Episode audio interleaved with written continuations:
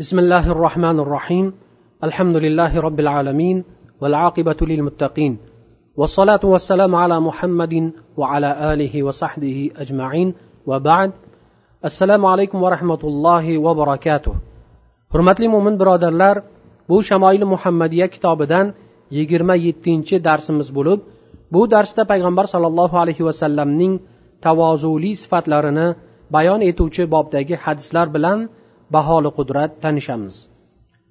Babu ma jaa fi tavadu'i rasulilloh sollallohu alayhi vasallam va fihi ashara hadisan rasululloh sollallohu alayhi vasallamning tavozulilarini bayon etuvchi bob. Bu bobda o'n uchta hadis rivoyat qilinadi. Albatta payg'ambar sollallohu alayhi vasallamning tavozuliliklari haqida kelgan rivoyatlar nihoyat darajada ko'p. Lekin bu kitob muxtasar kitob bo'lganligi uchun u rivoyatdan ba'zi birlarinigina faqat misol tariqasida keltiriladi. قال حدثنا أحمد بن منيع وسعيد بن عبد الرحمن المخزومي وغير واحد قالوا أخبرنا سفيان بن عيينة عن الزهري عن عبيد الله عن ابن عباس عن ابن عمر بن الخطاب عن عمر بن الخطاب قال قال رسول الله صلى الله عليه وسلم لا تطروني كما أطرت النصارى عيسى بن مريم إنما أنا عبد faqulu abdullohi va rasuluh bu hadis umar ibn xattob roziyallohu anhudan rivoyat qilinadi. Aytadilarki rasululloh sollallohu alayhi vasallam aytdilarki meni nasorolar iso ibn maryamni muqaddaslagandek muqaddaslab yubormanglar. Men oddiy bir qulman. Meni ollohning quli va rasulidir denglar. Ibn hajar rahimaulloh muqaddaslab yubormanglar degan so'zning sharhida shunday marhamat qiladilar. Meni maqtashda haddan o'tib ketmanglar. Natijada bu ishlaringiz sizlarni kufrga olib boradi. Xuddi nasorolarga o'xshabki ular iso alayhissalomni maqtashda chegaradan o'tib ketib uni o'zlariga iloh qilib olgan edilar va injildagi oyatlarni o'zgartirib yuborgan edilar. Ularga alloh taoloning la'natlari yog'ilsin.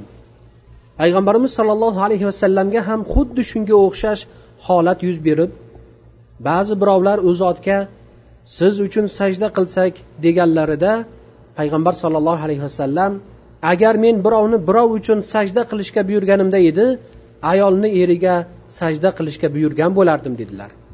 Va lekin maxluqqa ibodat qilinmaydi deb ularni bu ishlaridan qaytargan edilar. قال حدثنا علي بن حجر قال أنبأنا سويد بن العبد العزيز عن حميد عن أنس بن مالك رضي الله عنه أن امرأة جاءت إلى النبي صلى الله عليه وسلم فقالت له إن لي إليك حاجة. فقال اجلسي في أي طريق المدينة شئت؟ أجلس إليك. أنس رضي الله عنه دن روايات قلنادي u zot aytadilar bir ayol payg'ambar sollallohu alayhi vasallamning oldilariga kelib meni sizda bir hojatim bor edi dedi. Payg'ambar sollallohu alayhi vasallam madinaning xohlagan ko'chasiga o'tir men o'sha yerga boraman dedilar. Mulla ali qori aytadilarki bu hadisdan olinadigan foydalardan mana shunday hojatlar uchun ko'chaning bir chetida o'tirish mumkin. Modomiki bu o'tirishdan birovlar aziyat chekmas ekanlar. Chunki yo'l bo'ylarida o'ltirishdan qaytarilgan hadislardan maqsad ana shunday aziyatlar sababli edi. Asqaloniy rahimaulloh muhallabdan naql qilib aytadilarki ushbu hadisning roviysi anas roziyallohu anhu payg'ambar sollallohu alayhi vasallam bu ayolni ko'chaning xohlagan joyiga o'tir deyishlaridan maqsad odamlar ko'rmaydigan yerga emas balki odamlar bu ayolning muammosini eshita olmaydigan yerga o'ltirishi ekanligini nazarda tutgan edilar payg'ambar sollallohu alayhi vasallam oddiy bir ayol uchun alohida makon va vaqt ajratib uning muammosini hal qilib berishlari ham albatta u zotning nihoyat darajada tavozuli zot ekanliklariga yorqin dalildir قال حدثنا علي بن حجر قال أنبأنا علي بن مسحر عن مسلم الأعور عن أنس بن مالك رضي الله تعالى عنه قال كان رسول الله صلى الله عليه وسلم يعود المرضى ويشهد الجنائز ويركب الحمار ويجيب دعوة العبد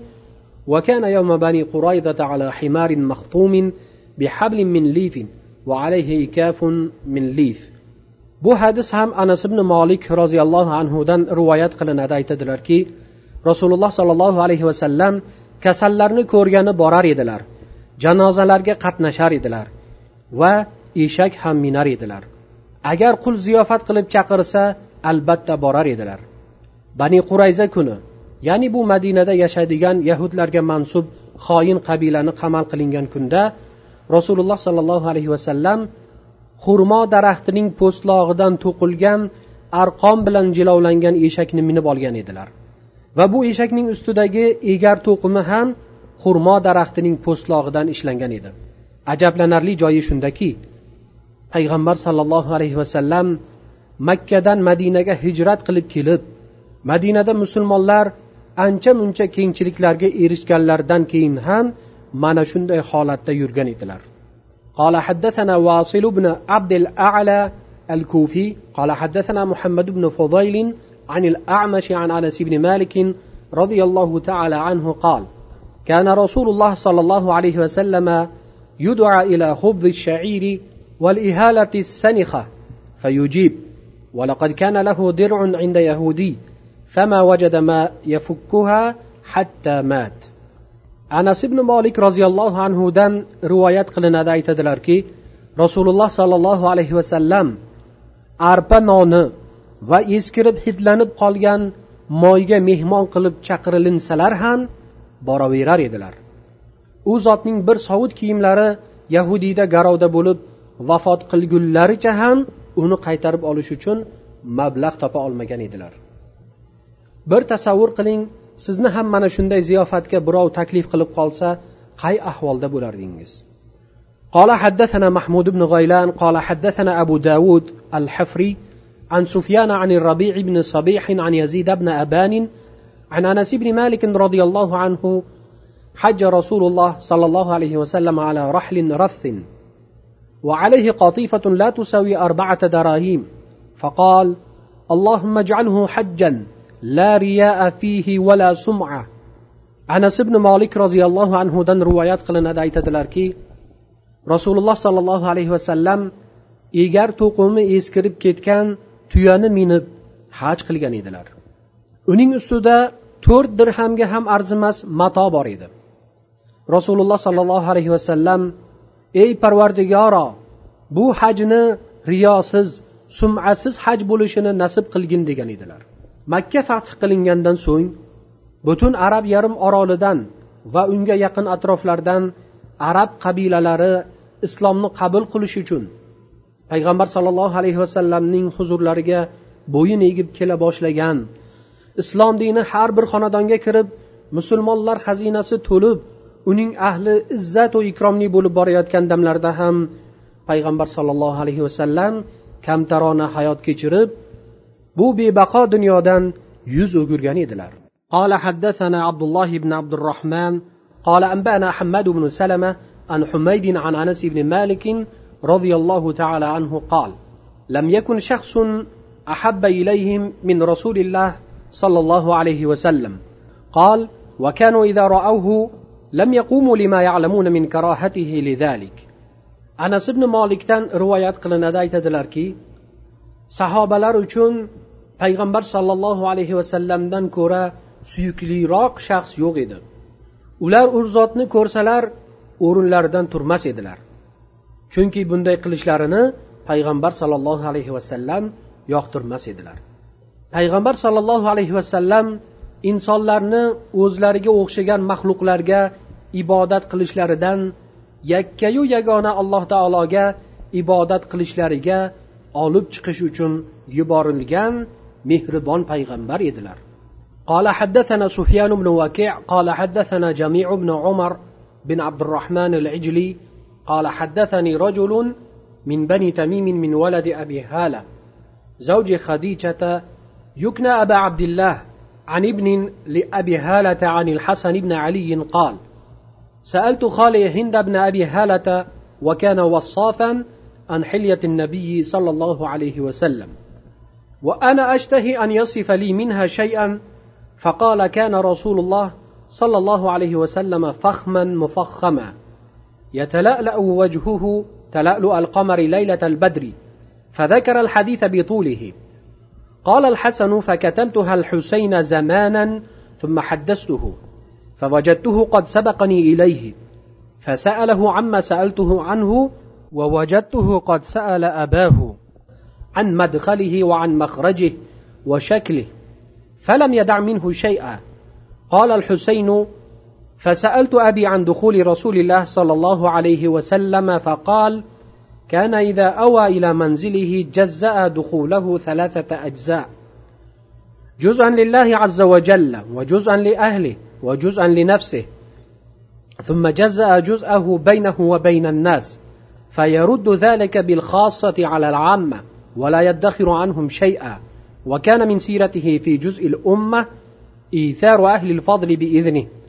فمنهم ذو الحاجة ومنهم ذو الحاجتين ومنهم ذو الحوائج.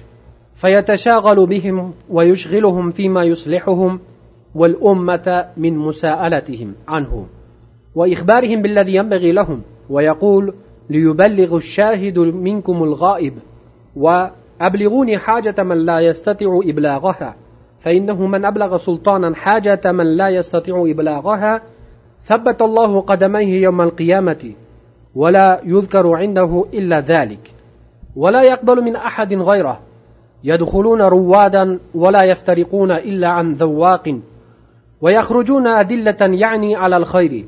قال فسألته عن مخرجه كيف يصنع فيه؟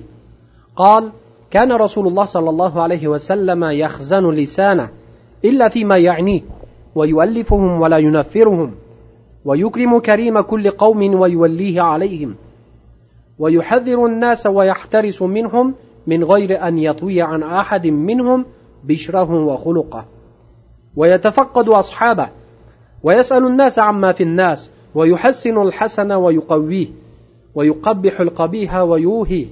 معتدل الأمر غير مختلف لا يغفل مخافة أن يغفلوا أو يميلوا أو يميلوا.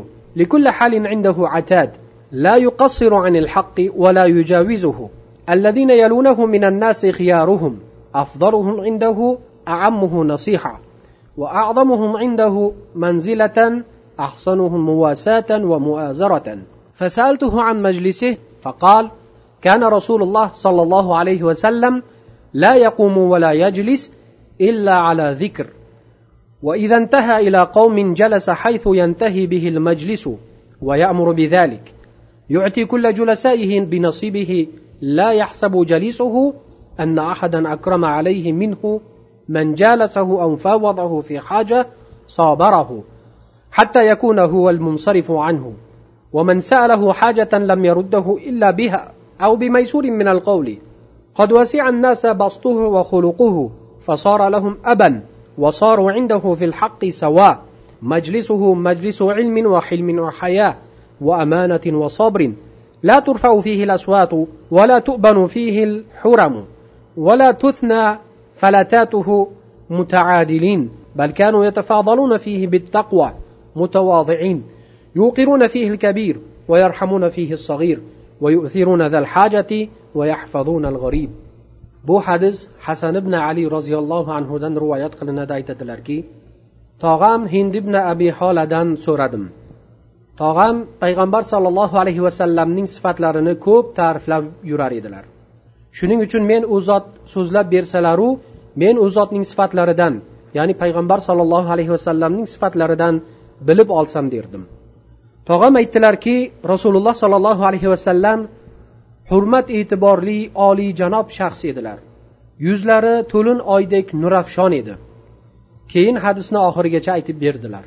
Bu hadis kitobning avvalida ham zikr etilgan. Hasan aytadilarki inim husayndan bir vaqtgacha bu hadisni berkitib yurdim. Keyin unga bu hadisni aytib berdim. Qarasam u mendan avval tog'amdan bu haqda so'rab bo'lgan ekan. Hatto otamdan ya'ni ali roziyallohu anhudan ham rasululloh sollallohu alayhi vasallamning kirish chiqishlari va butun shakllari haqida so'rab u so'ramagan hech narsa qolmabdi. Husayn aytadiki otamdan payg'ambar sollallohu alayhi vasallamning uyga kirishlari haqida so'ragan edim. Otam aytdilarki rasululloh sollallohu alayhi vasallam agar uyga kirsalar uyda vaqtlarini uch qismga bo'lib qo'yar edilar. Bir qism olloh uchun ya'ni toatu ibodat uchun. Bir qism ahli ayollari uchun ya'ni ularning dardlariga quloq solib og'ir yumushlarini o'tab berar edilar. Bir qism esa o'zlari uchun edi. Bu oxirgi o'zlarining hissalarini o'zlari bilan odamlar o'rtasida qilib qo'yar edilar. Va shu asnoda xos kishilar orqali ommaga manfaatlar yetkazar edilar. Ya'ni odatda o'zlariga yaqin bo'lgan kishilar u zotning huzurlariga tez tez ziyorat qilib kelib turar edilar va payg'ambar sollallohu alayhi vasallamdan turli tuman masalalarni so'rar edilar. U zot ularning savollariga qoniqarli javoblar berib ular vositasiyla butun xalqqa ilmu ma'rifatni yetkazar edilar. Va u zotning huzurlariga kelgan kishilardan hech narsani ayamas edilar. U zotning odatlari huzurlarga kirish uchun ijozatda ahli din va ahli amal taqvodor kishilarni boshqalardan ustun ko'rar edilar va dindagi martabalari va amallariga qarab ham vaqt ajratar edilar. Umar ibn hattob xalifalik davrlarida ummatning ishlarida o'zlariga ahli ilmlarni maslahatdosh qilib olgan edilar. Ibn abbos roziyallohu anhu qur'on tafsirini yaxshi bilganliklari uchun yosh yigit bo'lishlariga qaramay ana shunday maslahatchi qilib tayinlangan edilar. Umar roziyallohu anhu qur'on hukmlari oldida hech qanday narsaga iltifot qilmas edilar. Rasululloh sollallohu alayhi vasallamning oldilariga keladigan odamlarning ba'zilari bir hojatlik ba'zilari ikki hojatlik ba'zilari esa bir necha hojatlik bo'lar edilar. Payg'ambar sollallohu alayhi vasallam ularning hojatlarini o'tab va ular so'ragan muammolarga yechimlar berib nima qilishlari darkorligini bayon etib ularni ular uchun hamda islom ummati uchun manfaati bo'ladigan ishlarga yo'llab qo'yar edilar. Va aytar edilarki bu majlisda ishtirok qilganlar kelmaganlarga eshitganlarini yetkazsinlar. Hojatini yetkaza olmaydigan kishini meni huzurimga hojatini yetkazinglar. Chunki kimiki mana shunday ahvoldagi kishining hojatini sultonga yetkaza bilsa alloh taolo uning qadamini qiyomat kunida sobit qadam qiladi. Rasululloh sollallohu alayhi vasallamning huzurlarida faqatgina mana shunday chiroyli va go'zal so'zlar gapirilar edi va u zot bundan boshqa befoyda so'zlarni hech kimdan qabul qilmas edilar. Sahobalar u zotning huzurlariga yaxshilik maqsadida kirib katta katta manfaatlar bilan chiqib ketar edilar. So'ng haloyiqni yaxshiliklarga yetaklaydigan rahnamolarga aylanar edilar. Hasan roziyallohu anhu hadisning davomida aytadilarki inim husayn aytadiki otamdan payg'ambar alayhissalom uydan chiqsalar nima bilan shug'ullanar edilar deb so'radim. Otam aytdilarki payg'ambar alayhissalom uydan chiqsalar noo'rin so'zlardan tillarini tiyib faqatgina manfaatli gaplarni gapirar edilar. Odamlarni bir birlariga ulfatlab o'rtalarida nafratni yo'qotar edilar. Har bir qabilaning muhtaram kishilarini hurmatini o'z o'rniga qo'yib ularni o'z qavmlariga rahnamo etib tayinlar edilar. Odamlarni ollohning azobidan qo'rqitar edilar va ularning birontasini marhamatlaridan mahrum qilmagan holatda ulardan ehtiyotda bo'lar edilar.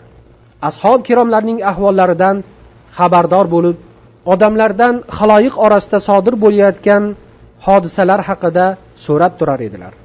Chiroyli narsaga chiroyli deb baho berib uni qo'llar edilar. Xunukni esa xunuk deb uni badnom qilar edilar. Hamma ishlari o'rta me'yorda bo'lib bir biriga ziddiyatlik yo'q ya'ni so'zlarga amallari teskari kelmas edi. Ashoblarni g'aflatga kirib ketishlaridan yoki malollanib qolishlaridan cho'chib doimo ulardan hushyor bo'lardilar va ularni o'z hollariga tashlab qo'ymas edilar. Har bir ish uchun avvaldan tayyorgarlik ko'rib qo'yar edilar. Haqiqat yo'lida qosirlik qilmasdan haddan ham o'tib ketmas edilar. U zotga yaqin bo'lgan kishilar odamlarning eng yaxshilari edi. U zotning e'tiborlarida odamlarning eng afzallari eng xolislari edi. Eng ulug'lari esa yaxshilik va taqvo yo'lida bir birlariga ko'makdoshlari edi. Inim husayn aytadiki u zotning o'ltirishlari haqida ham so'radim. Shunda otam ali roziyallohu anhu aytdilarki rasululloh sollallohu alayhi vasallamning o'ltirishlari ham turishlari ham faqatgina alloh taoloning zikri bilan bo'lar edi. Agar bir majlisga kelsalar majlisda qaysi joy bo'sh bo'lsa o'sha yerga o'tirar edilar. Ya'ni majlisning to'riga borib birovni turg'izib uning o'rniga o'ltirmas edilar. Garchi qavm o'zlari joy bersalar ham bunday qilishlikni o'zlariga hech ravo ko'rmas edilar. Va boshqalarni ham mana shunday qilishga buyurar edilar. U zot bilan suhbat qurgan kishini shunday hurmat ikrom qilardilarki hatto u payg'ambar alayhissalom hech bir kimsani mendan ortiq suymasalar kerak deb o'ylar edi. Kimiki u zot bilan suhbatlashib yoki biror hojatda muzokara qilsa u zot undan ko'ra andishaliroq bo'lib u o'zi turib ketmagunga qadar suhbatni buzmas edilar.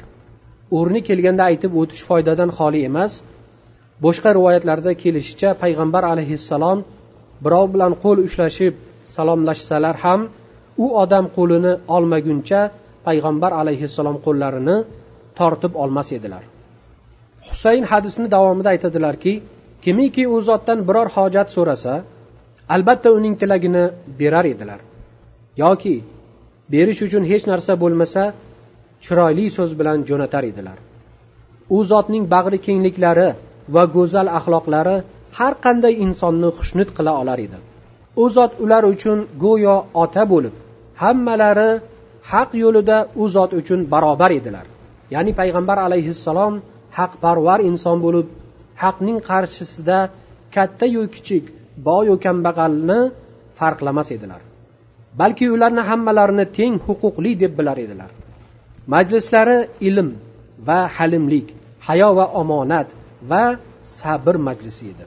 Majlisda ovozlar ko'tarilmas muqaddasotlar poymol qilinmas unda aytilgan so'zlar tashqariga tarqatilmas edi. Hammalari barobar balki bir birlaridan taqvo bilangina imtiyozlanar edilar. Barchalari kamtarin hokisor bo'lib kattalarni hurmat kichiklarni izzat hojatmand kishini o'zlaridan avval ishini raso qiladigan g'arib musofir begona kishiga bor mehribonchiliklarini ko'rsatadigan zotlar edilar. Bu payg'ambar sollallohu alayhi vasallamning tavozulilarini bayon qiladigan bobda mana shu oxirgi birgina hadisni o'zini rivoyat qilinganda ham bu hadis u zotning nihoyat darajada axloqli qalbi sof butun bashariyatga yaxshilikni ravo ko'radigan oliyjanob inson ekanliklarini ifoda qilishda kifoya bo'lar edi. Shu yerda darsimizga yakun yasab alloh taolodan bizlarni ham mana shunday oliy xulqlar bilan bezashini va yomon xulqlardan asrashini so'raymiz. Va sallallohu vasallam ala nabiyina muhammad va ala alihi va sahbihi ajmain. Assalomu alaykum va rahmatullohi va barakatuh.